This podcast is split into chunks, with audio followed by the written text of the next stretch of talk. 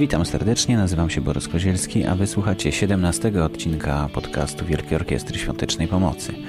Dziś muzyki nie będzie, ale może nie zupełnie. Usłyszycie długą, długą rozmowę, właściwie opowieść Zbyszka Hołdysa na temat Akademii Sztuk Przepięknych, która odbyła się po raz pierwszy w 2006 roku na przystanku Woodstock. Co to za pomysł, skąd się wziął, dokąd zmierza i jak było na przystanku Woodstock 2006? Posłuchajcie. 15 finał Wielkiej Orkiestry Świątecznej Pomocy 14 stycznia 2007 roku. Moi drodzy, 120 tysięcy wolontariuszy, nasze bardzo piękne, kosmiczne skarbonki będziecie widzieli w każdym miejscu w Polsce, od małych wiosek po bardzo duże miasta. Także te skarbonki będą bujały, między innymi po centrum Nowego Jorku, będą w Londynie, będą w Dublinie, będą w Australii, Kanadzie i prawie wszystkich krajach europejskich. Tam, gdzie jest duch polski, tam, gdzie jest serce polskie. A więc nie omijajcie obojętnie tych ludzi, którzy nieraz bardzo marzną i przez cały dzień są razem z nami. Uśmiechnijcie się do nich wrzućcie drobny pieniążek, a my za te pieniądze będziemy kupowali bardzo nowoczesny sprzęt dla chirurgii urazowej, tej powypadkowej, która w Polsce potrzebuje takiego sprzętu. A więc bądźcie razem z nami. 120 tysięcy wolontariuszy. Już Was teraz serdecznie pozdrawiam. Trzymam kciuki i moi drodzy, będzie się działo przez cały dzień 14 stycznia. Akademia Sztuk Przepięknych to pomysł zupełnie nowy. On powstał w zeszłym roku. Jak się urodził? Skąd się wziął? On się wziął tak naprawdę dwa i pół roku temu. W roku 2005 po przystanku Woodstock Jurek do mnie zadzwonił. My zawsze po przystankach rozmawiamy, bez względu na to, czy ja tam jestem, czy nie, to, to zawsze rozmawiamy. On po przystanku do mnie dzwoni, a ja do niego dzwonię zawsze po orkiestrze styczniowej i, i, i mu mówię, że było fajnie, a on potem mi się spowiada, z, z tego, co, co robił latem. I w 2005 roku zadzwonił do mnie i powiedział, że musi ze mną porozmawiać, ponieważ ma, ma mieszane uczucia. Jego cały przebieg przystanku mu się bardzo podobał, wszystko było ok, z jednym wyjątkiem, że przez te wolne dni i przez te pory od rana do popołudnia, kiedy się rozpoczyna koncert, on uznał, że zbyt wielu młodych ludzi pije alkohol. I to nie chodziło o to słynne piwo, które gdzieś tam jest na, na orkiestrze, tylko tam już wchodziły w grę nielegalne dostawy wody i tak dalej. On się tym martwił, że jak on powiedział, słuchaj, muszę coś zrobić, bo ci ludzie dostają pierdolca, chleją i ja po prostu tego dalej kontynuować tak w takiej formie nie chcę. Yy, i y, ja wtedy powiedziałem po jakimś czasie, że, że mam pomysł i przyjechałem do niego i opowiedziałem mu całą koncepcję Akademii Sztuk Przepięknych, ale wtedy jeszcze to, że tak powiem, nie zaskoczyło. Y, to była zresztą trochę y, taka fantazyjna moja opowieść, że powinno stać wiele namiotów i w nich powinny się odbywać warsztaty generalnie. Literackie, takie, siakie, owakie. I dopiero po yy, w roku 2006, o, to czyli ja pomyliłem lata, to jeszcze wcześniej, bo 2004, 2005 i w 2006 Jurek yy, powrócił do tego pomysłu i powiedział: Słuchaj, będziemy to robili. Spotkaliśmy się i wtedy ja opowiedziałem, co trzeba robić, z tym, że znowu on ma taki typ pracy, który trzeba zaakceptować. To jest jednak. Yy, strach pomyśleć, co się stanie z orkiestrą, kiedy Jurka zabraknie, gdyż wszystkie nitki, wszystkie lalki tańczą na nitkach, które on trzyma w palcach. I e, wszystkie elementy tej scenografii orkiestrowej, całe jej życie, to wszystko się znajduje w jego głowie i proszę mi wierzyć, że to są czasami zaskakujące rzeczy, że on tam gdzieś załatwia jakiś młotek, i za chwilę rozmawia na temat przyjazdu Red Hot Chili Pepper i spotyka się z ministrem i mówi przywieź te bandaże i tak dalej. No to jest po prostu taki on ma styl y, życia. I, I także mówi po prostu o, o jakiejś sprawie, potem zanika i nagle sobie o niej przypomina. No i przypomniał sobie o tej orkiestrze, kiedy było, ja wiem, 8 tygodni do, do przystanku. I wtedy już mówi, słuchaj, ja wyjeżdżam do USA w jakichś ważnych sprawach, weź to zrób. Tak jak mówiłeś, wszystko jedno mi co to będzie, ale weź to zrób. I wtedy już nie było czasu na jakieś. Wiedziałem tylko tyle, że załatwili wielkie namioty, że jest ich trzy czy też cztery. I teraz trzeba było te namioty wypełnić treścią. I ja tu byłem trochę skazany na tak splot dwóch okoliczności. Jedną, że wiedziałem, że to muszą być spektakularni goście. Sama, sama zasada w takich sytuacjach musi być jedna. Jeśli przyjeżdża 100 tysięcy ludzi, czy 200 tysięcy ludzi i mamy im pokazać coś, co, czym oni się zachłysną, to musimy pokazać coś, co ich zadziwi, a zadziwi ich może niekoniecznie jakaś głęboka bardzo dyskusja, w końcu są to wakacje i, i czas rozrywki, ale zadziwi ich to, że przywieziemy im ludzi, którzy których oni w życiu nie spotkają. To może być astronauta, który pierwszy stanął na Księżycu i, i, i koniec. To, to każdy chce zobaczyć tego człowieka. I w podtekście oczywiście, że trzeba wybrać takich ludzi, którzy niosą jakąś wartość. Będą sławni, spektakularni i niosą jakąś wartość. A z drugiej strony byłem skazany na to, że, że jest niewiele czasu i ktoś się zgodzi lub nie. No właśnie, kiedy ten pomysł zaczął wchodzić w fazę realizacji, to znaczy kiedy dostałeś ten, ten, to słowo, że rób naprawdę dwa miesiące przed orkiestrą, może sześć tygodni. Było to bardzo niewiele czasu. Ja miałem szczęście, bo, bo wykonałem kilka telefonów intuicyjnie. To znaczy, ja wiedziałem o jednej rzeczy, że to będą, y, że, że będzie to się rozgrywało na trzech, czterech płaszczyznach. Pierwsza e, płaszczyzna dla mnie była bardzo istotna i właściwie od niej się to wszystko w mojej duszy zaczynało, że to będzie, będą spotkania ekumeniczno-religijne. Ja e, nie jestem człowiekiem, muszę to powiedzieć, żeby być uczciwym, nie jestem człowiekiem, który chodzi do kościoła. Wychowany jestem w tradycji katolickiej, ale nie jestem człowiekiem praktykującym w sensie formalnym y, uczestniczenia w ceremoniach i tak dalej. Myślę, że dekalog wypełniam na ile, na ile to się da i myślę o, o, o regułach non-stop, żeby nie kłamać, nie ranić ludzi i tak dalej, i tak dalej. Ale nazwijmy to, według tych określeń, nie jestem praktykującym katolikiem. Nadto mam za sobą bardzo głębokie i dalekie podróże natury filozoficznej i religijnej też. Ja, ja poświęciłem kilka lat na przeanalizowanie wszystkich właściwie dostępnych mi źródeł dotyczących różnych najważniejszych religii i to nie tylko monoteistycznych. Także e, szukałem, dociekałem jakichś tam prawd. Chciałem, chciałem zrozumieć, co motywuje ludźmi islamu, co, co motywuje e, buddystów.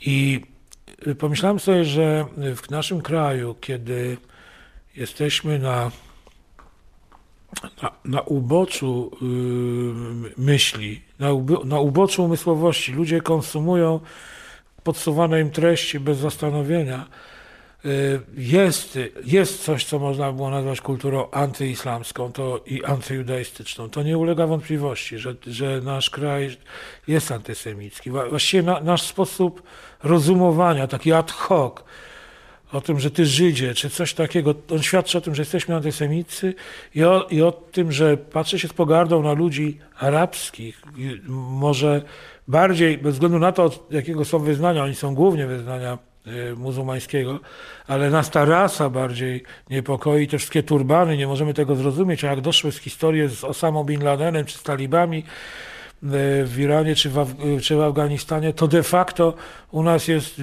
no, no, antypatia, to tak delikatnie mówiąc, wobec, wobec tej religii bardzo wyraźnie zakorzeniona. A przecież jak się spojrzy na to, to my mamy takie liczby, no, z nimi nie, nie, da się w żaden sposób polemizować. Katolików jest miliard dwieście milionów na świecie, a muzułmanów półtora miliarda. Ich jest więcej niż katolików.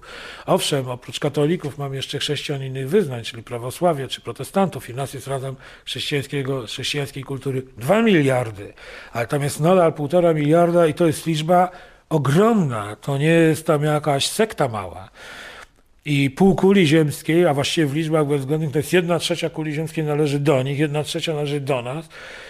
E, nieco mniej niż jedna trzecia należy do buddystów i wyznawców religii hinduistycznych. I, i, i każda, każdy z tych ludzi wierzy, że jego Bóg jest najważniejszy i w niego wierzy i uważa wszystkich pozostałych wyznawców innych tych wielkich religii za frajerów, głupków, którzy nie wiadomo w co wierzą, w jakichś bożków wymyślonych, bla, bla, bla i tak dalej.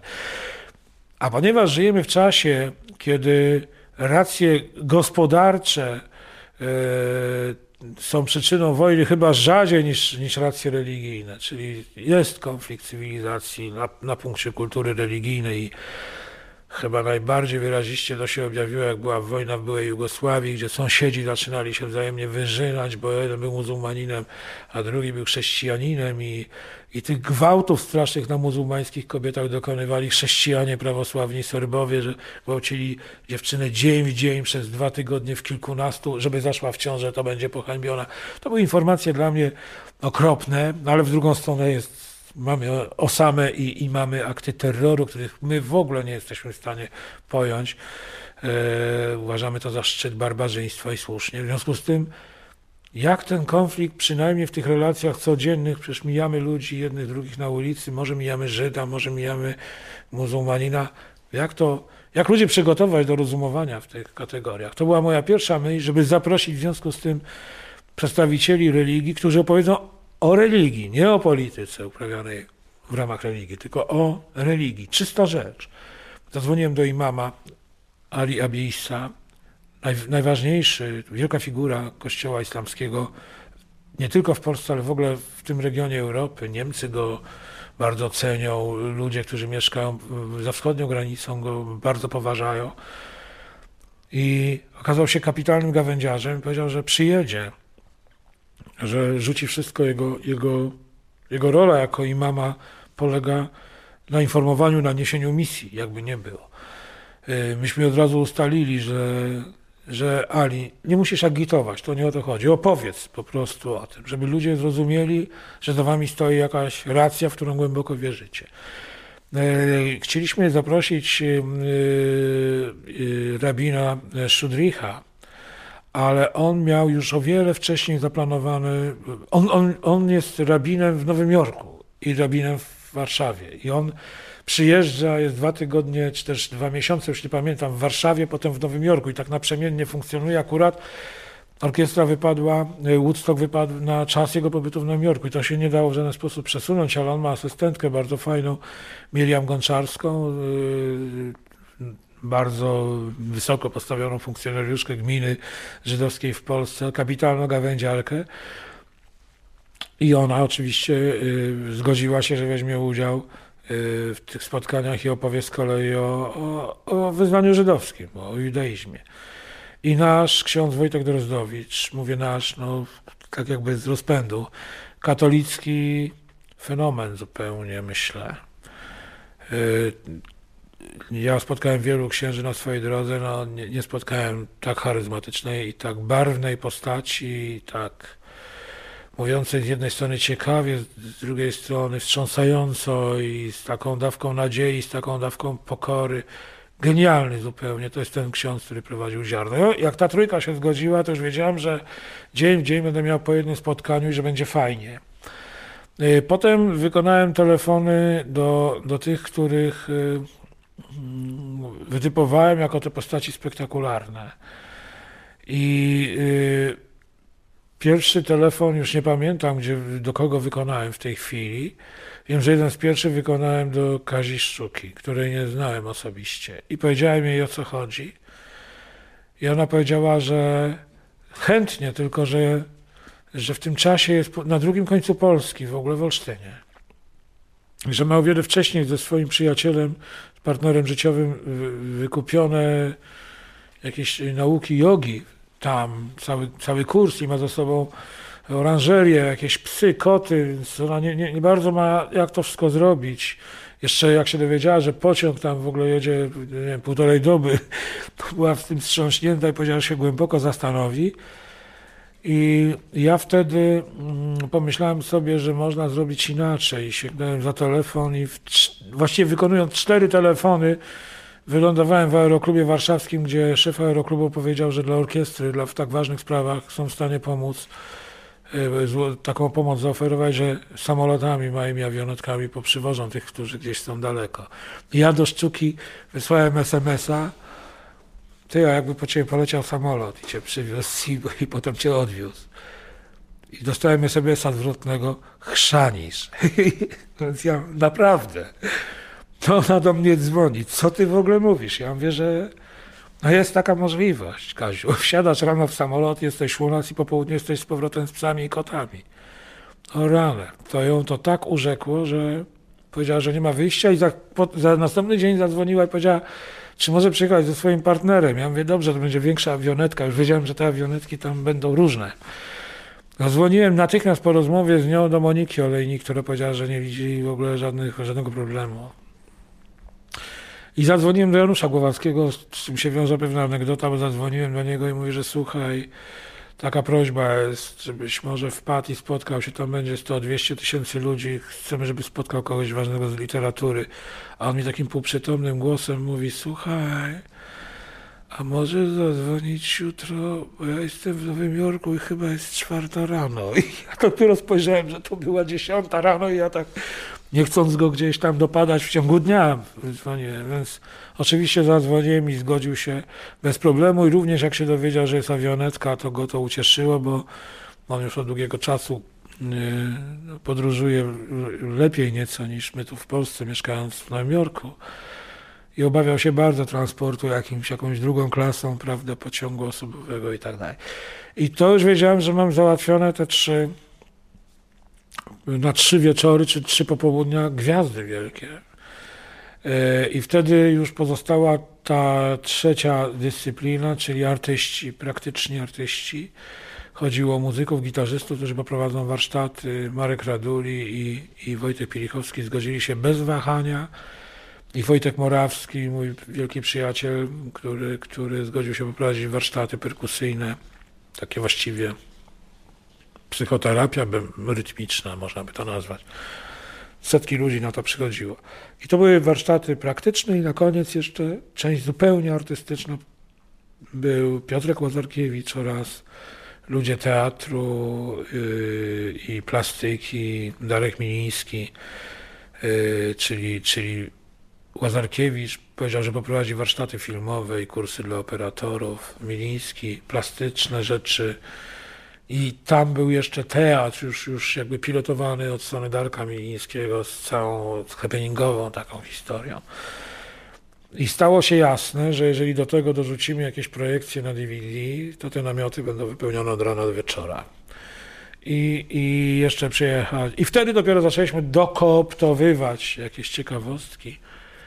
E, chciałem bardzo, żeby opowiedział tym młodym ludziom ktoś, skąd się wzięli hipisi, skąd się wzięli punkowcy. W ogóle oni reprezentują pewne nurty społeczne czy kulturowe, nie bardzo wiedząc, zdaje się, jak one się zrodziły. No i Marek Gasztecki tu się zjawił, który z moim funflem jeszcze hipisem z czasów, kiedy mieliśmy po 18 lat. A Garściu jest yy, no, fenomenalnie historycznie i, i faktograficznie, a także kulturowo zorientowany w jakiś taki, opowiedział taką rzecz, że dla hipisów sprzyjającym momentem było wynalezienie wielkich lodówek. Ja mówię, że co? On mówi tak, stary, gdzieś tam w latach 60., wcześniej 50., 60., ludzie przestali robić zakupy codziennie, zaczęli robić raz na tydzień, mieli więcej czasu. I jak to w ogóle, a to jest prawda. To jest prawda. I, I, potem się okazało, że wszystkie źródła o tym mówią. Więc stało się jasne, że, że, że będziemy mieli bardzo dużo atrakcji. To i, I ja właściwie na tydzień przed orkiestrą, Jurek jak wrócił z Nowego Jorku, jak mu opowiedziałem, a mu tam słałem smsy. Jak on wrócił i zadzwoniłem do niego, to powiedział, że on nie wierzy w to wszystko. Tam jeszcze były inne możliwości. Y, one, one przez to nasze spóźnienie, spóźniony start, one nam nie wypaliły. Jerzy Szturk chciał bardzo, żeby przyjechał i powiedział młodym ludziom, jak zostać aktorem, bo, bo zaproszenie tych wszystkich ludzi wiąże się z pewną jednak ideą. To znaczy, z jednej strony są to ludzie sukcesu, a więc mamy dowód na to, że, że można, a z drugiej strony niech opowiedzą, jak do tego sukcesu doszli. I niech prezentują jakiś, jakiś poziom taki, powiedziałbym, i gawędziarstwa, i, i niech pokazują też, że z niczego właściwie stali się kimś. To są taki konglomerat zjawisk. To nie chodzi o to, żeby był to na, namaszczony tam y, od pokoleń syn y, pianisty i pianistki, wnuk pianisty i pianistki, niech on przyjdzie też zagra. Raczej chodziło o tych, o przedstawicieli takich ludzi jak ci, którzy tam przyjeżdżają. Więc olejnik nas interesowała jako dziewczyna, która studiowała, o ile wiem, zootechnikę na szkole gospodarstwa wiejskiego i zajmowała się jakimiś tam świnkami morskimi czy czymś i została dziennikarką polityczną.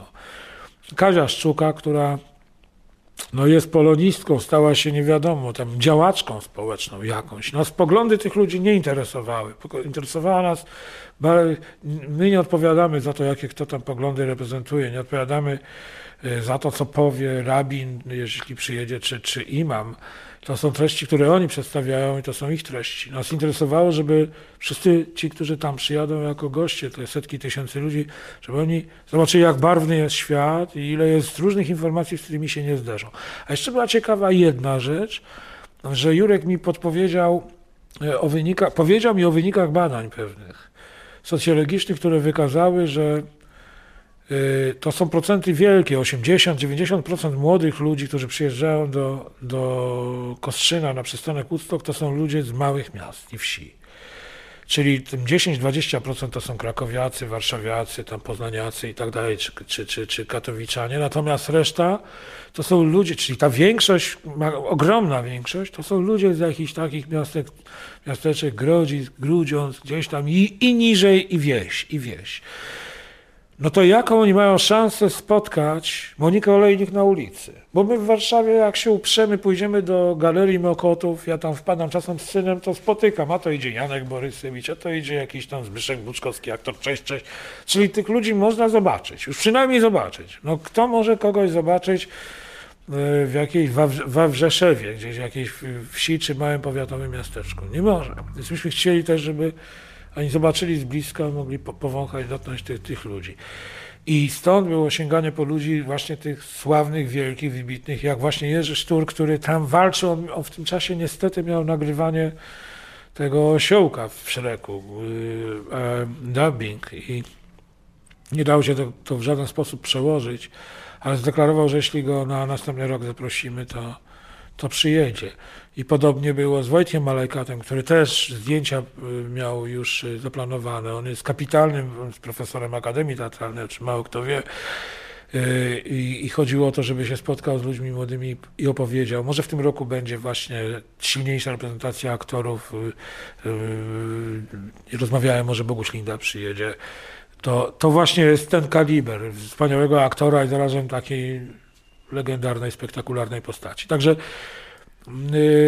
nie wszystko, jak mówię, nam wyszło, yy, ale teraz, jeśli Owsiak do mnie zadzwoni na dwa tygodnie przed przystankiem i powie, że robimy, to go zastrzelę. Natomiast jeśli powie mi teraz za miesiąc, powiedzmy, po, po orkiestrze, to myślę, że będziemy mogli zrobić to w o wiele lepszy sposób. Zresztą on dostał ode mnie namiary, nie wiem, czy, czy, czy z nich skorzysta, czy nawet, nawet nie gadałem z nim, czy skorzystał już, bo był w Nowym Jorku, na artystów, którzy, których można było ściągnąć ze Stanów Zjednoczonych. Tam, tam w grę wchodziły takie bardzo mm, no, efektowne osoby ze świata plastyki, które są w stanie zrobić happening ze 100 tysięcy ludzi. Czyli nie wiem, jest e, Anthony Gromley, Anglik, który, który każe ludziom mm, lepić takie figurki 20-25 cm wysokości z gliny ceglanej. Jak ustawia 100 czy 200 tysięcy tych figurek jedna koło drugiej, to jest to wrażenie potężne. I on to robi w Chinach, e, w Malezji, w Nowym Jorku. Jest w Nowym Jorku Mark Jenkins, który z butelek tych przezroczystych pytów robi ludziki i je sadza w Nowym Jorku na murkach, na ławkach, gdzieś na latarniach. Więc może, ponieważ tych butelek idzie ogromna ilość, może zrobić te ludziki gdzieś tam drzew, na drzewach i tak dalej. Będziemy starali się to zrobić. Którąś z tych happeningowych większych akcji plastycznych. Wiem, że e, Owsiaczek e, strasznie chciał, żeby tym razem wystąpiła jakaś wielka gwiazda roka. Bardzo ciężko to będzie dołacić, bo te wielkie gwiazdy wiedzą, że mają swoje 5 sekund i, i żądają gigantycznych honorariów, a tu orkiestra jest twarda, że, że nie płaci po prostu. I, I moim zdaniem tak, nie należy płacić. Y, ten raz jeden w życiu wycieczka dla kogoś z daleka do, do takiego dziwnego kraju, żeby uczestniczyć w czymś mistycznym, to niech oni ją sobie porównają, jakby chcieli nie wiem, pojechać, zobaczyć piramidy, ale kazali sobie za to zapłacić. Nie, niech pojadą i zobaczą te piramidy. Ale oczywiście nie mam żadnych pretensji, jeśli Red Hot Chili Peppers, którzy kosztują półtora miliona dolarów, odmawiają, to, to, to nie można mieć żadnych, po prostu żadnych pretensji do nich. W każdym razie zamiary są bardzo yy, zamaszyste, że tak powiem. No i, i jeszcze tylko tyle w, te, w tym monologu do, dodam, że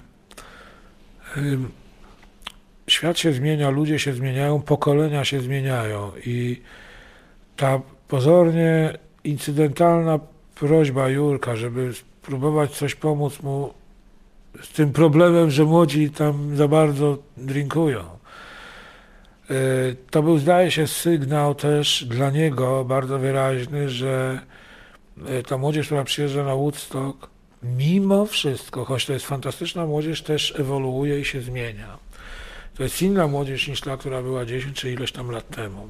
I e, bo kraj nasz się zmienił. Na przykład w naszym kraju inaczej wygląda system polityczny trochę więcej jest agresji w mediach. To się udziela społeczeństwu. W związku z tym my musimy się liczyć z tym, że, że y, ba bardziej, y, nie wiem, pobudzona może być młodzież, ale to też daje fenomenalne wyniki y, w innych obserwacjach. Ta młodzież jest pobudzona również do szukania, o ile kiedyś była łatwa do kupienia prostym koncertem rockowym o tyle dziś oni szukają bardziej wyrafinowanych y, form spędzania czasu.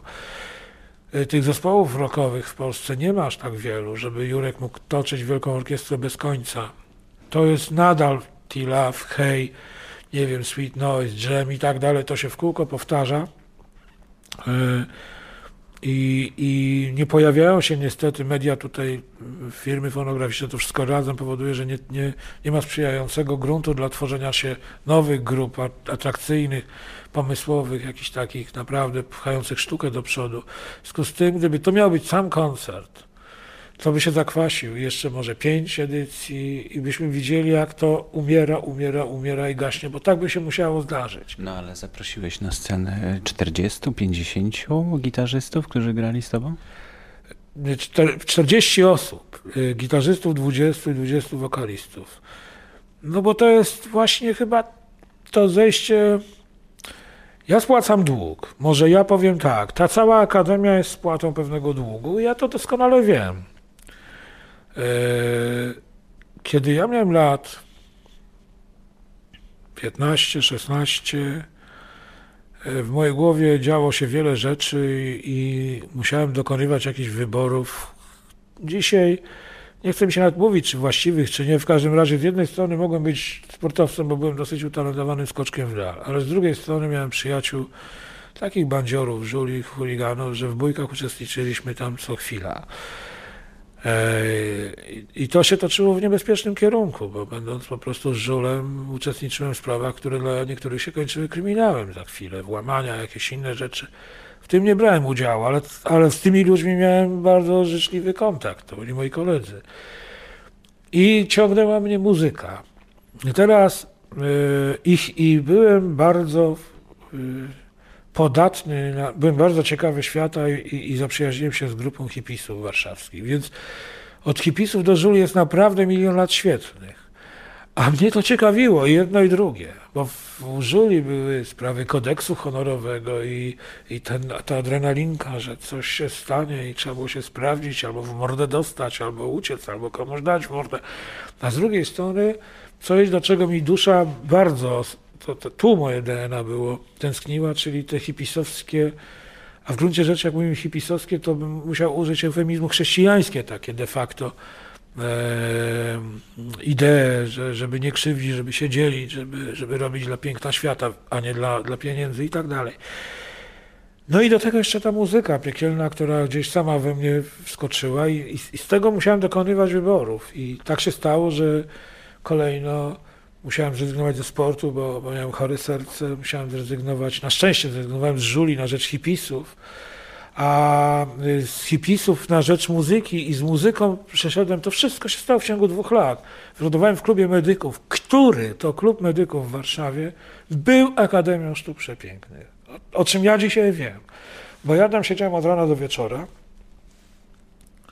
Już rzuciłem szkołę wtedy i, I, to był bardzo ryzykowny krok. W moim przypadku skończył się szczęśliwie, dlatego że ja rzuciłem jedną formę edukacji dla drugiej formy edukacji. Ryzykowna, bo tam i alkohol był, ale też w klubie medyków były trzy teatry, które wystawiały Becketa, Dirienmata. I ja byłem tam asystentem, świeciłem światłami albo puszczałem dźwięk, nie, nie byłem aktorem ale uczestniczyłem w próbach. Był kabaret Salon Niezależny z Jackiem Klejfem, Januszem Weissem, Michałem Tarkowskim, gdzie z nimi w ogóle jeździłem na, na ich występy i byłem ich akustykiem na przykład i widziałem występów salonu, nie wiem, ze 100 albo więcej.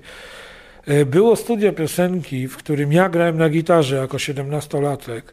No ale śpiewał Andrzej Kozioł, który był gdzieś tam później w zespole Vox. I właśnie tam poznałem Bogdana Orewicza i Elizę Grochowiecką, powstał zespół Andrzej Eliza.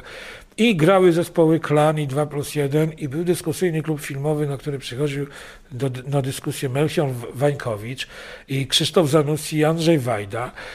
E, I był świat jazzu ze Zbyszkiem Namysłowskim, młodym jeszcze wówczas Michałem Urbaniakiem, e, największymi właściwie jazzmenami i zespół, i ja robiłem meetingi rockowe, e, gdzie moi, moi przyjaciele e, typu Józef Skrzeki SBB przyjeżdżali grać. To, to teraz, jak ja to opowiadam, te nazwiska dla ludzi młodych, którzy tego nasłuchali, może nic nie znaczą, to niech sobie wyobrażą, że ja właśnie miałem do czynienia na dzisiejsze czasy z Lindą, z Szycem, z malarzami naj, najlepszymi, jacy byli, bo też tacy tam przychodzili, z teatrami, z najlepszymi muzykami i, i, i, i to był świat, w którym ja jako gnojek byłem najczęściej posyłany po kanapki do baru albo gdzieś tam po, po piwo do sklepu, ale w tym świecie spędzałem mnóstwo czasu. I tam był między innymi nawet taki element programu, bo program Klubu Studenckiego w owym czasie był bezkonkurencyjny dla, dla, dla reszty świata, że tak powiem. Nic, co się działo w Warszawie, nie miało startu do tego, co się działo w Medyku Stodole czy Hybrydach. Otóż w Medyku codziennie odbywały się dwie, trzy imprezy. Codziennie było. Jak nie wernisaż, to spektakl teatru, to występ kabaretu, to koncert jazzowy, to pokaz filmowy, to, to coś tam innego. I były na przykład dyskusje, gdzie myśmy, ludzie mnie pytają, skąd ja wiem tyle o muzyce. To był dyskusyjny klub muzyczny, gdzie gdzie pamiętam, że toczyliśmy boje, który gitarzysta jest lepszy, Eric Clapton czy Jimi Hendrix. I przychodziło 50 zwolenników Hendrixa, obkutych z niego po prostu co do nuty i 50 zwolenników Claptona z płytami pod pachą i się tylko na adapterach zmieniało te płyty, a ty posłuchaj tego i zobacz, co tu się dzieje. Myśmy muzykę prześwietlali jak, jak rentgenem i też tam było też coś takiego, klub spotkania z ciekawym człowiekiem, jakoś tak, gdzie na przykład jednego dnia to się chyba we wtorki odbywało. Nawet do dziś pamiętam, choć to było 30 parę lat temu. Jednego dnia było spotkanie z iluzjonistą, drugiego dnia spotkanie z hipnotyzerem. Ja zobaczyłem takie sztuczki iluzjonistyczne i zobaczyłem, jak można oszukiwać w karty, bo ten iluzjonista, słynny McGregor, nam pokazał po prostu, że 15 sekund tak potasował kartę, że dostawał cztery asy w pokera za każdym razem. Z szulerami nie, lepiej nie startować. Chociaż on oczywiście nie był szulerem. I za chwilę hipnotyzer, który na naszych oczach hipnotyzował nasze koleżanki. Więc ja miałem po prostu Disneyland tam, w tym medyku. I gdyby nie to, to bym prawdopodobnie został tym żulem albo, albo coś by się ze mną złego stało. Ale to była ta atrakcyjna strona mojego życia i z niej, mając lat 18 dalej, poszedłem do Maryi Rodowicz i, i to właśnie dzięki napotkanym tam ludziom, y, Bogdanowi Olewiczowi, Markowi Gaszteckiemu i innym, którzy tam się w tym medyku kręcili. Trafiłem do Rodowicz i, i, i dalej się już moja droga potoczyła muzycznie, ale ja do dziś z ogromnym szacunkiem patrzę na tych ludzi, którzy dzisiaj są wybitnymi chirurgami, szefowie tego klubu. Czy wybitnymi diabety, diabetologami i tak dalej. Fantastyczni lekarze, to też jest ciekawe. Oni byli ludźmi fantastycznymi, więc zostali wielkimi lekarzami. I zawsze jak mam okazję, to mówię, że im zawdzięczam bardzo wiele, bo mnie takiego bezdomnego chłopaczka z ulicy przygarnęli. No i teraz przyjeżdża na przystanek Woodstock 100 czy 200 tysięcy ludzi i my nie wiemy, czy oni są bezdomni, czy domni, czy, czy oni mają perspektywy, czy nie. Bo oni sami nie wiedzą, jakie mają perspektywy, bo kto im powie, że można? Kto im powie, że stary, możesz być olejnik? No ja mam im to mówić, ja nawet tam nie jestem w tym ich mieście. Oni oglądają telewizję i widzą Romana Giertycha i widzą Niesiełowskiego, Kalisza, to jest, to jest dla nich wielki świat. A u siebie mają jakiegoś na przykład fajnego sołtysa lub też gównianego sołtysa, jakiegoś, mają jakiś dom kultury lub go nie mają. I na tym się kończy ich świat. Dla wielu z nich miasto Powiatowe to jest, to jest metropolia. A w tym mieście powiatowym jest jedno kino, do którego film trafia rok po premierze w Warszawie. Zrypana kopia z czarnymi plamami skaczącymi. Więc ich perspektywy są naprawdę nakreślane przez rzeczywistość, która nie jest w naszym kraju, nie jest zbyt różowa dla ludzi z tak zwanej prowincji. My tu w Warszawie mamy wszystko. O nas się zabijają, teatry nas błagają na kolanach, kina nas błagają, galerie tną się, żebyśmy tylko weszli zobaczyć te obrazy, które tam wiszą. Gdzie jest galeria w gminie jakiejś? W powiecie, w jakiejś wsi? Gdzie to jest? A przecież tam są zdolni ludzie. Kto powiedział, że rodzić się mają malarze w Warszawie, prawda, czy w, czy w Krakowie? Ci ludzie gdzieś tam są, w, ja to zawsze wszystkim powiadam, słuchajcie, no Urszula pochodzi z Kraśnika, jak komuś się Urszula nie podoba, to z Sulejówka pochodzi Kasia Kowalska, jak im się nie podoba, to Grzesiek Ciechowski pochodzi z Tczewa, no jesteśmy po prostu zrzutowiskiem i może warto pojechać tam, do ten przystanek i przywieźć im to, to, to ten, ten ży, żywy Disneyland polskich możliwości, takich prawdziwych polskich możliwości. I wtedy dopiero jak oni widzą Kazię Szczukę, która z jednej strony opowiada takie rzeczy, że Owsiak jest komentował, jesteś kochana, ale jakbym miał cię za żonę, to bym cię zastrzelił. Ale ona opowiada o ruchach feministycznych i nagle okazuje się, że ci wszyscy ludzie, którzy tam są, słyszą, wiedzą, co to jest feminizm, ale po raz pierwszy widzą na oczy feministkę.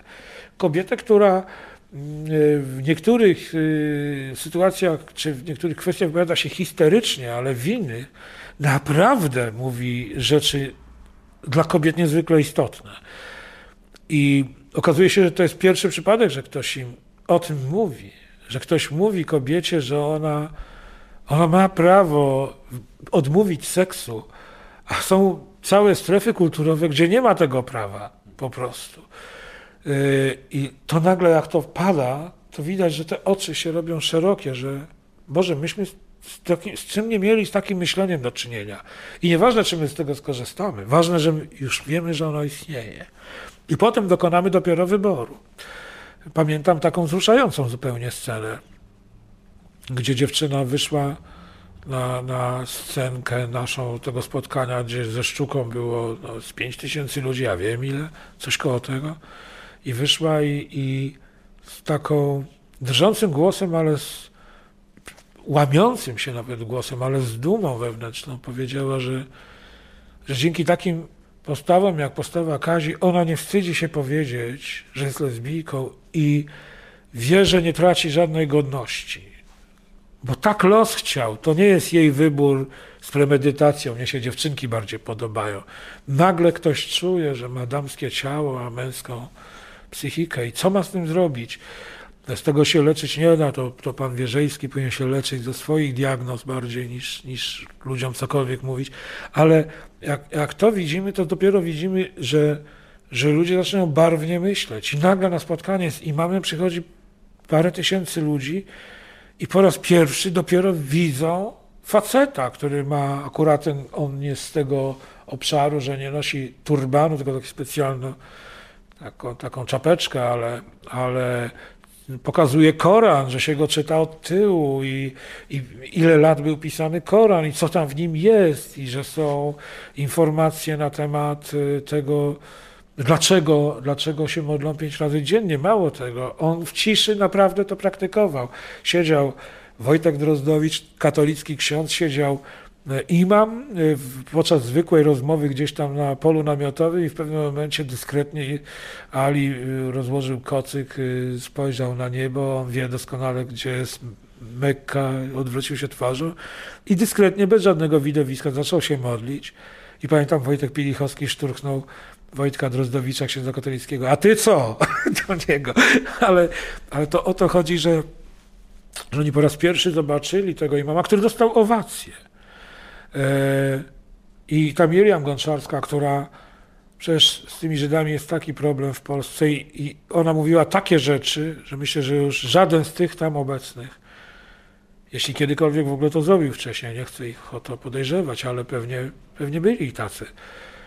Nikt z nich nie napisze już więcej na ścianie Jude Raus, bo, bo po raz pierwszy zobaczył Żydówkę i, i dowiedział się rzeczy wstrząsających, rzeczy pogodnych, jak to, że mają 635 przykazań, z czego 615 dotyczy sposobów i trybu pożyczania i oddawania pieniędzy.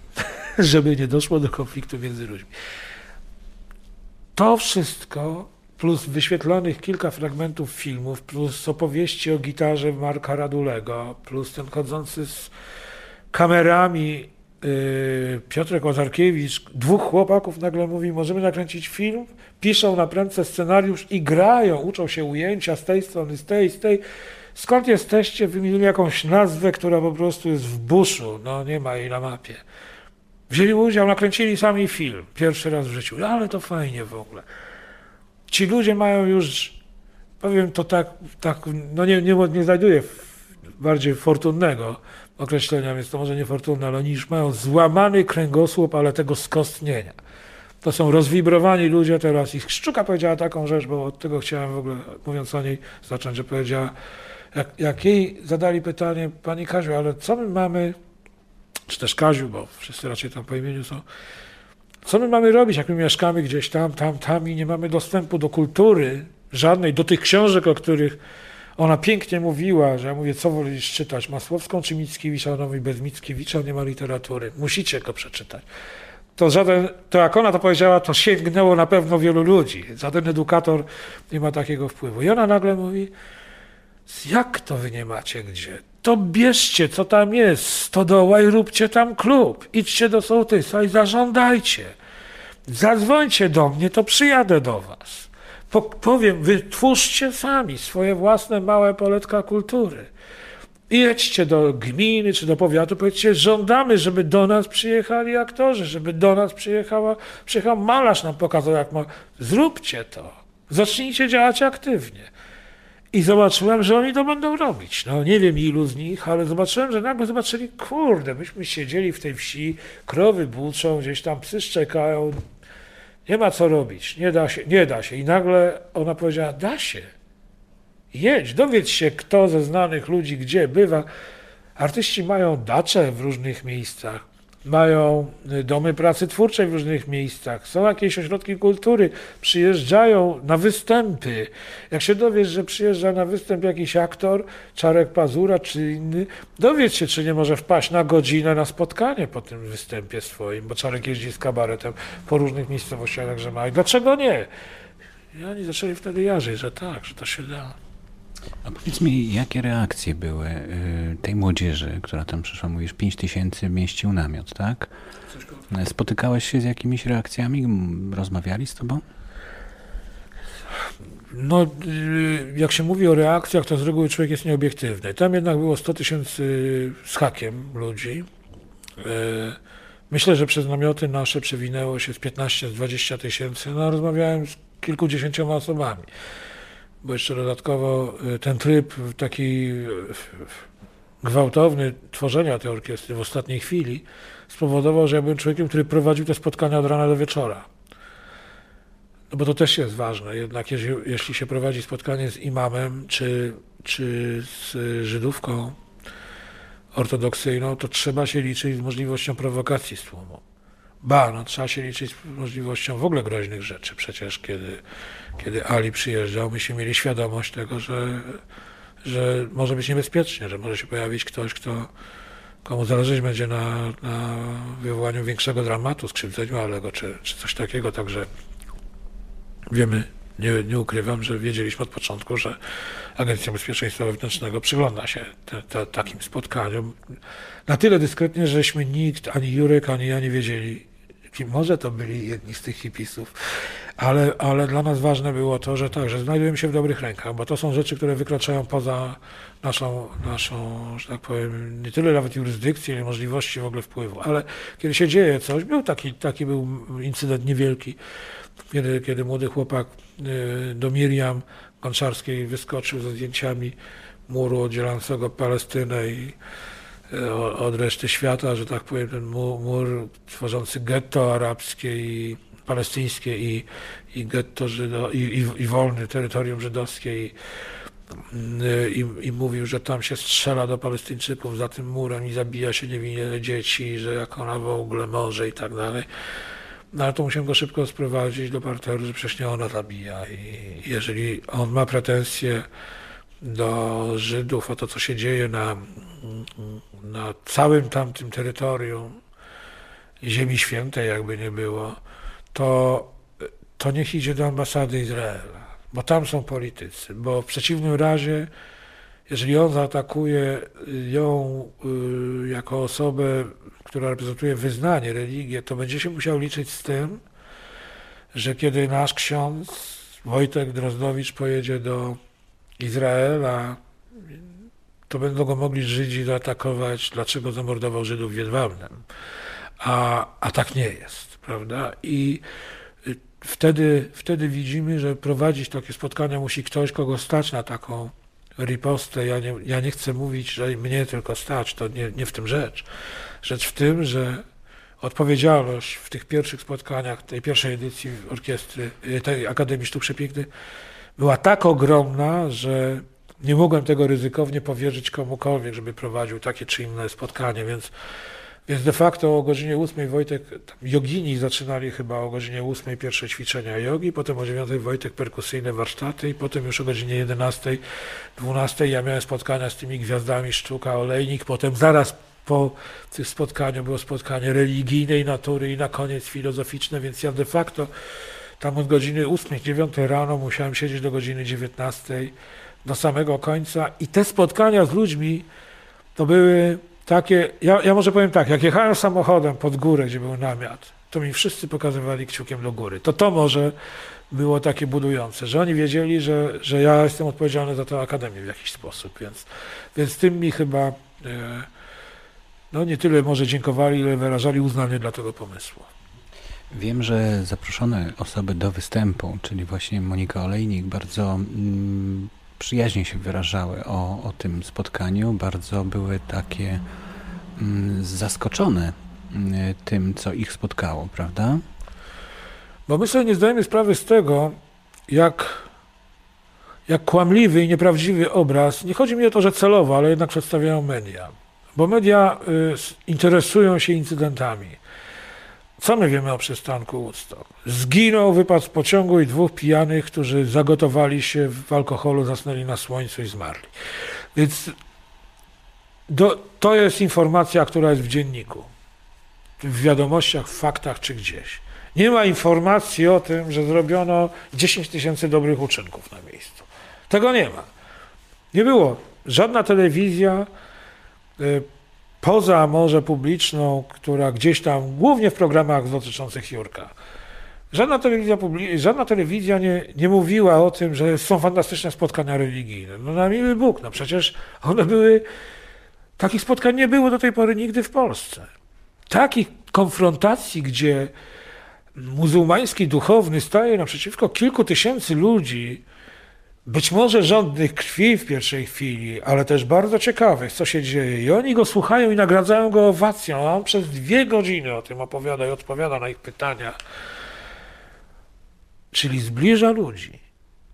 To, to, to jest zła wiadomość, ona, jest, ona się nie liczy. Więc obraz jest taki, że przecież Monika mi o tym powiedziała, że ona, ona się bała.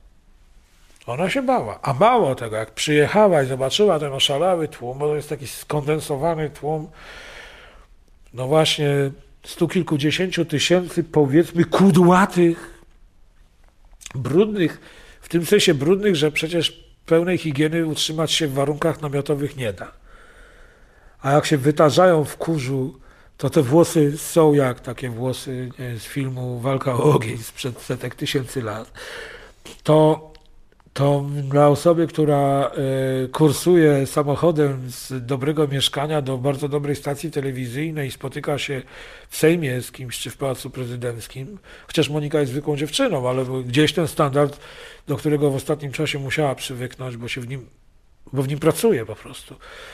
Y, nagle się załama, bo znalazła się, no tak jakby trochę ją wrzucić na, na, na, na pole minowe, no, no gdzieś tam na, na, na do, do Bagdadu, gdzie są wybuchy, ona jest dezorientowana i się obawia, obawia różnych rzeczy. I nagle tam taki był piękny, drobny incydent, w którym ona powiedziała, dlaczego tu nie ma dziennikarzy? Kurczę, mówi, przecież ja to bym tu zrobiła 100 reportaży i to jakich? A o co chodziło? Myśmy jechali gazikiem z góry, z, z tych naszych wielkich namiotów, na dół, w okolice sceny i żeby ominąć tłum, no, no nie, nie potrącić nikogo samochodem, tam niby jest taka krótka droga, ale tam tłumy po prostu wędrują jak na Monte Cassino w, w Sopocie. Deptak to jest wielki. Więc Jurek wynajdował taką drogę gdzieś, hen, hen, polną drogę przez las, mówiąc krótko. I nagle jadąc tą polną drogą, gdzieś tam jakiś jeden namiot, po drugiej stronie 20 metrów dalej drugi namiot, Jadąc tą polną drogą wśród sosen, nagle zatrzymał się jak na filmie rysunkowym. Stanął ten jego jeep, bo on go prowadził.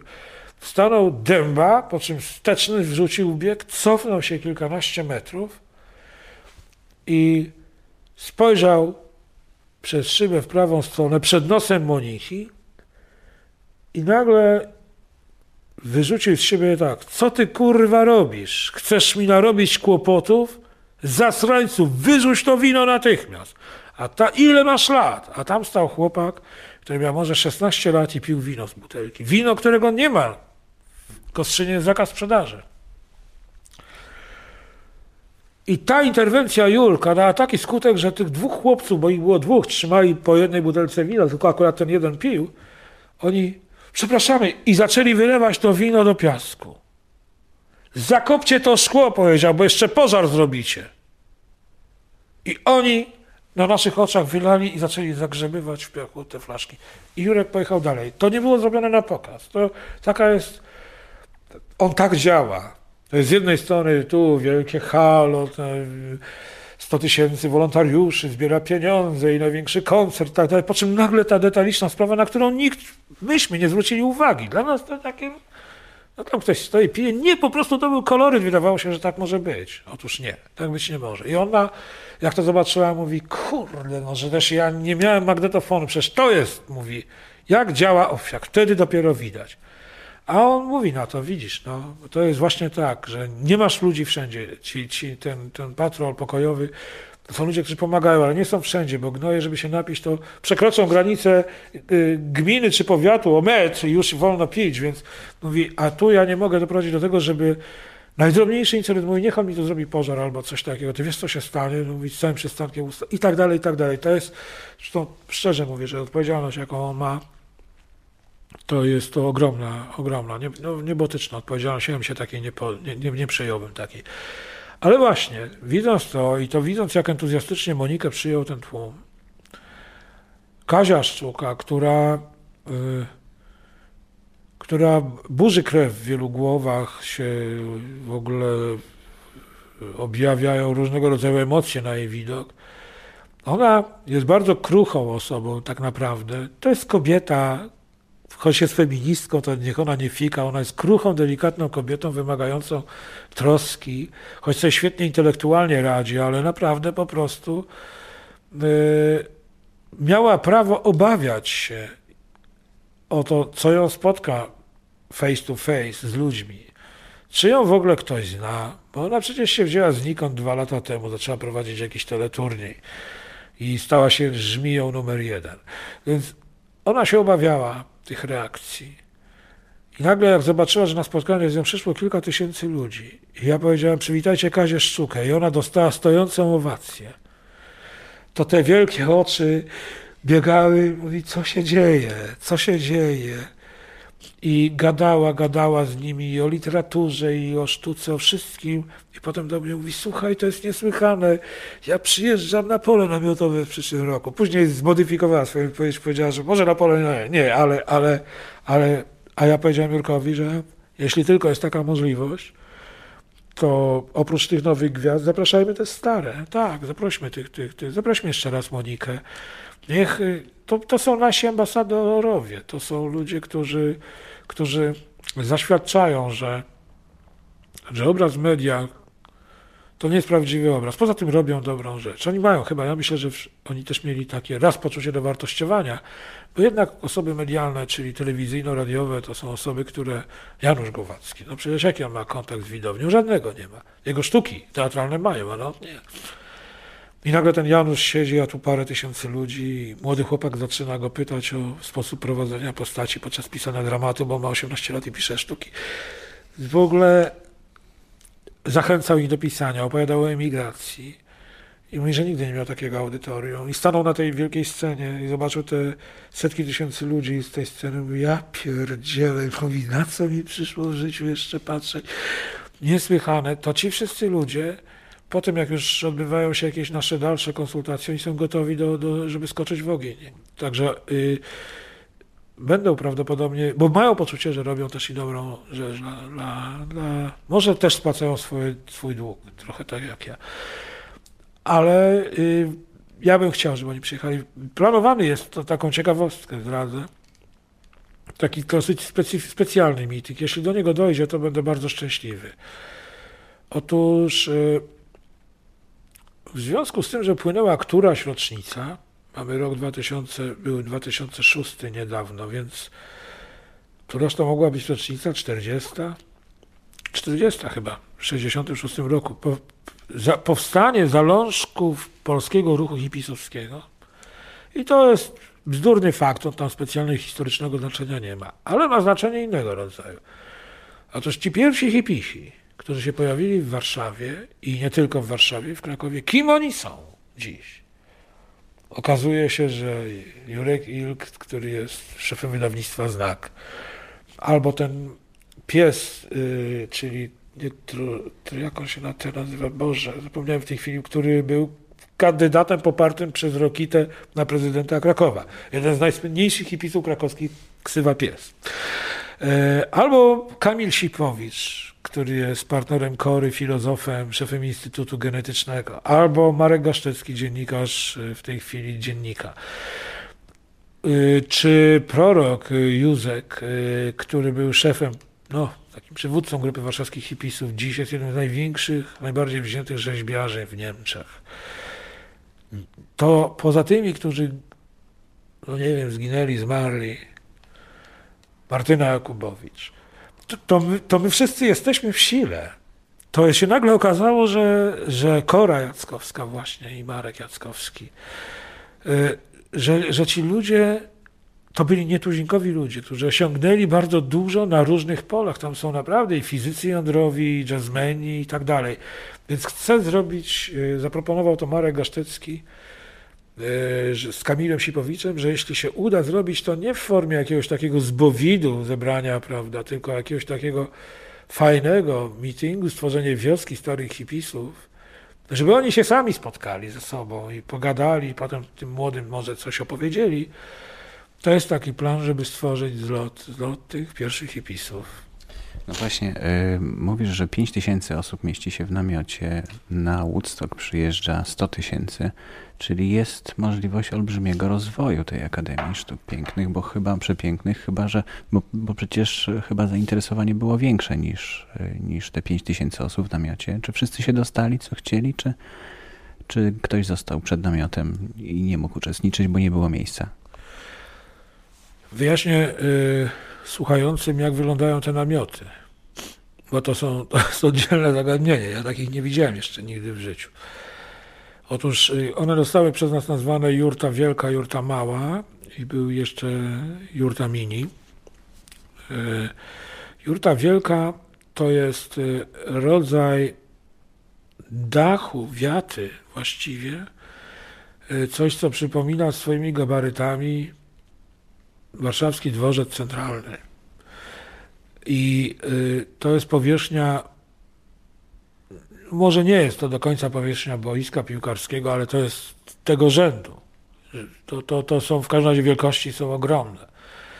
To jest kilka dużych sal gimnastycznych. I przykrytych dachem, y, a i, i, i, mają ściany tylko na dłuższych bokach, a na krótszych nie mają nic. To są de facto, to jest rodzaj namiotu, który jest używany na przyjęcia y, organizowane w plenerze, że ileś tam ludzi, setki ludzi mogą swobodnie chodzić po, po murawie.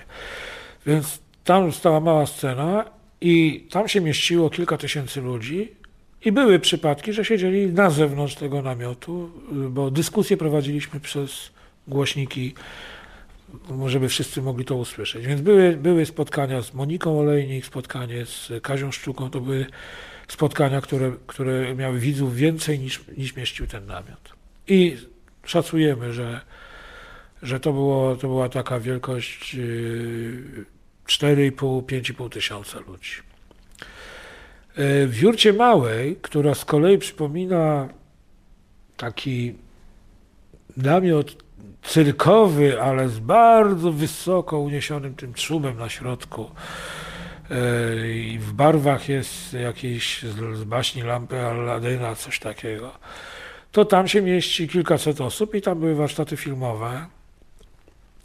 W tym roku i, i mała jurta, gdzie odbywały się warsztaty gitarowe, oraz jeszcze jedna, tam, znaczy mini, jedna i druga, w jednej rzeźbiarskiej, w innej gitarowej, na których lekcje trwały non-stop, gry na gitarze. I też ja tam prowadziłem te lekcje. Więc e, w tym roku e, Jurek mi powiedział, że zostanie to przeniesione, bo myśmy mieli piękne miejsce widokowo, przepiękne. Z dołu patrzyło się w górę jak na szczycie Gubałówki stały te namioty. Więc tam jedyne co było, to że staliśmy frontem do sceny, mimo że to było kilometr do tej sceny, czy kilkaset metrów, to jednak huk ze sceny uniemożliwiał normalną rozmowę momentami. Ale Jurek mówi, że to zostanie przeniesione gdzieś w bok, gdzie będzie łatwiejszy dostęp i gdzie będzie można rozbudować te akademie. I to jest jakby taki zabieg, ilustracja techniczna, że, że będzie można postawić więcej namiotów, jeśli będzie potrzeba, większych i zróżnicować jeszcze te zajęcia. Dlaczego?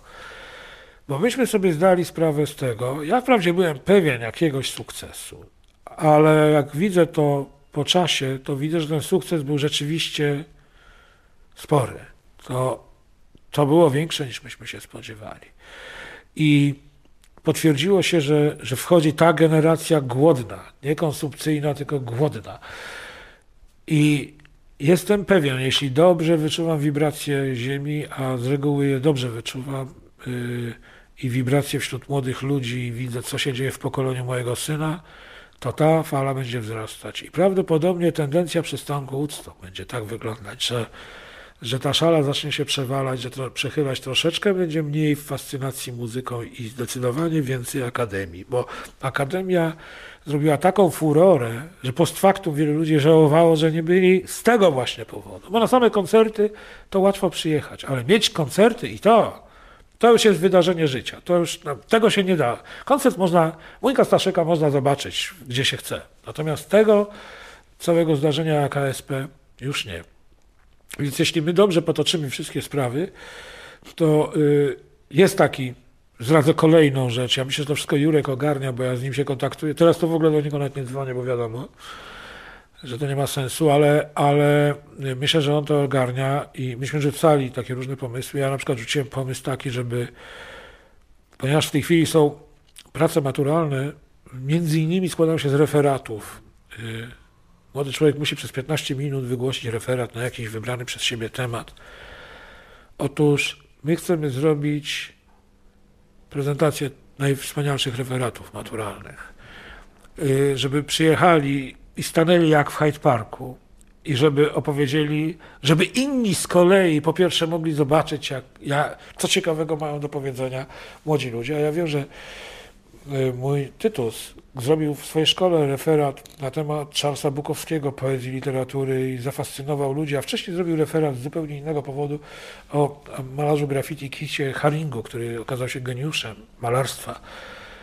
i też w jego szkole szok, nie wiedzieli o jego istnieniu. Więc myślę, że jeżeli się pojawi taki ktoś, powie taki wykład, zrobi jakiś inny wykład, jakiś inny referat i tych referatów kilkadziesiąt, to to będzie to to nie będzie, to też będzie Akademia Sztuk Przepięknych, nie jakaś tam szkółka, bo oni przekażą piękne treści i jeśli by się udało, no z tym Giertychem jest zero kontaktu, to znaczy ja mówię w sensie, bo formalnie pewnie można z nim się spotkać, jak Jurek już próbował, ale myślę, że fale są. On ma, on ma odbiornik po prostu kiepski, nie odbiera. Ale tam chodziło o to, że myśmy chcieli po prostu, że jeżeli oni nam dadzą kasę, Ministerstwo Edukacji, to my zbierzemy te najcudowniejsze matury, jakąś komisję, weźmiemy zawodowców. Wśród nich literata Janusza Głowackiego, który powiedział, że chętnie w tym weźmie udział.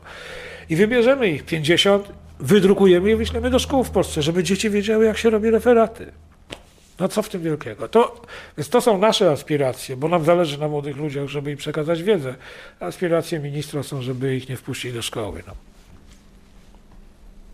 Czyli będzie się rozwijać, tak? Przekroczyła wasze wyobraźnię y, to, to, co się stało w 2006 roku. E, miejsca jest dosyć chyba, tak? Tam w Kostrzyniu. No to jest terytorium, które nie ma granic. Władze sprzyjające chyba też. Tak słyszałem. Ja yy, nie mam z władzami się, z władzami, z tymi władzami kościelnymi Jerzy się spotyka, uzgadnia z policją. To są, to są bardzo, że tak powiem, przepraszam, bardzo yy, życzliwe i trudne yy, problemy, jakie oni muszą wspólnie rozwiązać, bo z jednej strony władze miasta chcą, policja chce. Ja myślę, że Kościół teraz się przekonał, po Akademii, jak zobaczyli, że my z taką atencją traktujemy Kościół, przystanek Jezus zainstalował się po raz pierwszy na, na polu namiotowym przystanku, Be, bez barier, bez własnego namiotu, e, ołtarza. Wtopili się w ludzi, krążyli wśród nich, robią cudowną robotę. A potem tańcem szli takim korowodem barwnym oni i szli ludzie Hare Krishna i się zmieszali na moment.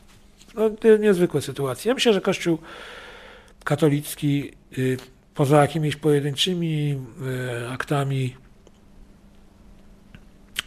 nieprzychylności zaakceptował y, tę formę spotkań młodych ludzi. I myślę sobie, stało się też dobrze tak, że, że i Jurek, proszę to zrozumieć, jeżeli znajdzie się jakieś środowisko, które atakować będzie ciebie czy kogokolwiek, to my jesteśmy wrogo nastawieni do całego środowiska. I Kościół w osobie choćby ojca ryzyka naprawdę nie szczędził e, razów Jurkowi. I to takich poniżej pasa, bo ścierać się można, można mówić mu, że a ktoś chce, może mówić, że jest ateistą, chociaż nie jest, ale proszę uprzejmie, ale te wszystkie agresywne, kłamliwe za, o pomówienia, oskarżenia, że on wręcz dealuje narkotykami i tak dalej, no to budzi gdzieś w Jurku, w niezwykle spontanicznym skądinąd człowieku, budzi takie reakcje, typu, uch, ja go dorwał tam i zaraz on pisze protesty i ta sytuacja się gdzieś tam spiralą nakręca. E, to nagle Jurek, widząc, że te spotkania ekumeniczne z wielką, cudowną naprawdę rolą księdza Wojtka Drozdowicza i ten, z tym respektem dla, dla wiary, dla Boga w ogóle, że to wszystko zdaje egzamin i że jest przystanek Jezus i że to się może odbyć bez agresji, może z pominięciem właśnie tych księży, nie zwracaniem na nich uwagi. I jak mówi, niech przyjedzie to Radio Maryja na miły Bóg, no ale niech mówi, co, co naprawdę widzi. I z drugiej strony yy, wśród kleru Myślę, że się sytuacja uspokoiła, skoro podjął decyzję o tym, że przystanek Jezus się pojawił. Biskup i lokalny biskup e, nie neguje e, przystanku Woodstock, a te pojedyncze ataki na Wielką Orkiestrę Świątecznej Pomocy, ja się posłużę czymś, co mi przychodzi z trudem w tych dniach. Ale to są tylko pojedyncze ataki. To jest tak, jak jest pojedynczy przypadek księdza biskupa Wielgusa. Nie możemy mówić, że wszyscy księża byli ubekami i nie możemy mówić, że wszyscy księża są wrogami Wielkiej Orkiestry Świątecznej Pomocy. To są obie krzywdzące opinie i e, więcej powściągliwości po obydwu stronach e, i ze strony Jurka i ze strony e, Kościoła da więcej ludziom, bo to przecież nie chodzi o to. Owsiak już wszystko ma, co chce tym sensie, że osiągnął w dziedzinie działań charytatywnych sukces. Ja to powiem, bo myślę, że y, warto, abyśmy zaczęli być y, może nie, nie tyle nieskromni, ile uczciwi. On robi więcej niż robiła matka Teresa. To jest paradoks. Ja wiem, że to brzmi dziwacznie, ale matka Teresa zajmowała się setką chorych ludzi i prowadzeniem zakonu, który pomagał tym ludziom jakby z racji swej, swej formuły zakonnej. Robiła rzeczy niezwykłe. Y, nie wchodźmy w komentarze, które post factum teraz mówią, że była ostra, surowa, taka czy siaka, ale robiła rzeczy niezwykłe to jeśli weźmiemy globalnie, dodamy sumę pieniędzy i liczbę uratowanych ludzi, i liczbę uratowanych ludzi i sumę pieniędzy w wykonaniu owsiaka, to naprawdę się nie ma czego wstydzić. To się naprawdę nie ma czego wstydzić. To jest światowego, to jest działacz społeczny światowego już wymiaru. I tak jak się niektórzy nie zgadzają z tym, co robiła matka Teresa, z różnych powodów się nie zgadzają, to ona robiła rzecz cudowną. Więc jeżeli się ktoś nie zgadza z Owsiakiem, to musi pamiętać, że zrobił rzecz cudowną. I w tej kategorii Jerzy nie jest w stanie chyba zrobić niczego więcej, choć tam miał jakieś zamiary, żeby może ta orkiestra się jeszcze rozlała na Europę. Bardziej, żeby tam nie tylko przygraniczny teren niemiecki, ale niech to się stanie taki ruch w ogóle. No ja wiem, czy to ma sens. Może właśnie powinno to być takie lokalne, ale to już więcej do zdobycia, że tak powiem, nie ma. Więc yy, yy, trzeba uwierzyć, że to, co on robi, to to robi naprawdę dla dobra i chodzi o dobro człowieka na końcu. Więc jeżeli Kościołowi chodzi o dobro człowieka, a nie tylko krzewienie Ewangelii i zdobywanie kolejnych duszyczek, bo wtedy Kościół no, siłą rzeczy staje twarzą twarz za swoim przeciwnikiem, którym jest inne wyznanie czy ateizm. Ale jeśli chodzi o dobro człowieka, o niesienie pomocy, to przecież Owsiakowi chodzi o dobro człowieka, o niesienie pomocy, no to to jest pole cudowne do działania i konfliktów nie powinno być. Jeszcze muszę zapytać o jedną rzecz. Widzę tam w kącie stoi gitara. E, ona, wiem, że była używana podczas przystanku Woodstock. Może nie ta, ale w ogóle gitara. Ale od dłuższego czasu nic nie słychać z tej gitary. Czy są jakieś pomysły na to, żeby coś można było znowu usłyszeć od ciebie? Najpierw wyjaśnienie. Ja mam sporo gitar. Niektóre z nich mają wartość wielu tysięcy dolarów. Natomiast ta, co tu stoi za tą taką maszyną do szycia, to jest moja pierwsza gitara, na jakiej się nauczyłem grać. Ona jeszcze jest. Miałem 17-16 lat z tamtego okresu. I tak sobie stoi. Na niej się nie gra, ona tak po prostu przypomina. Po prostu dawne czas.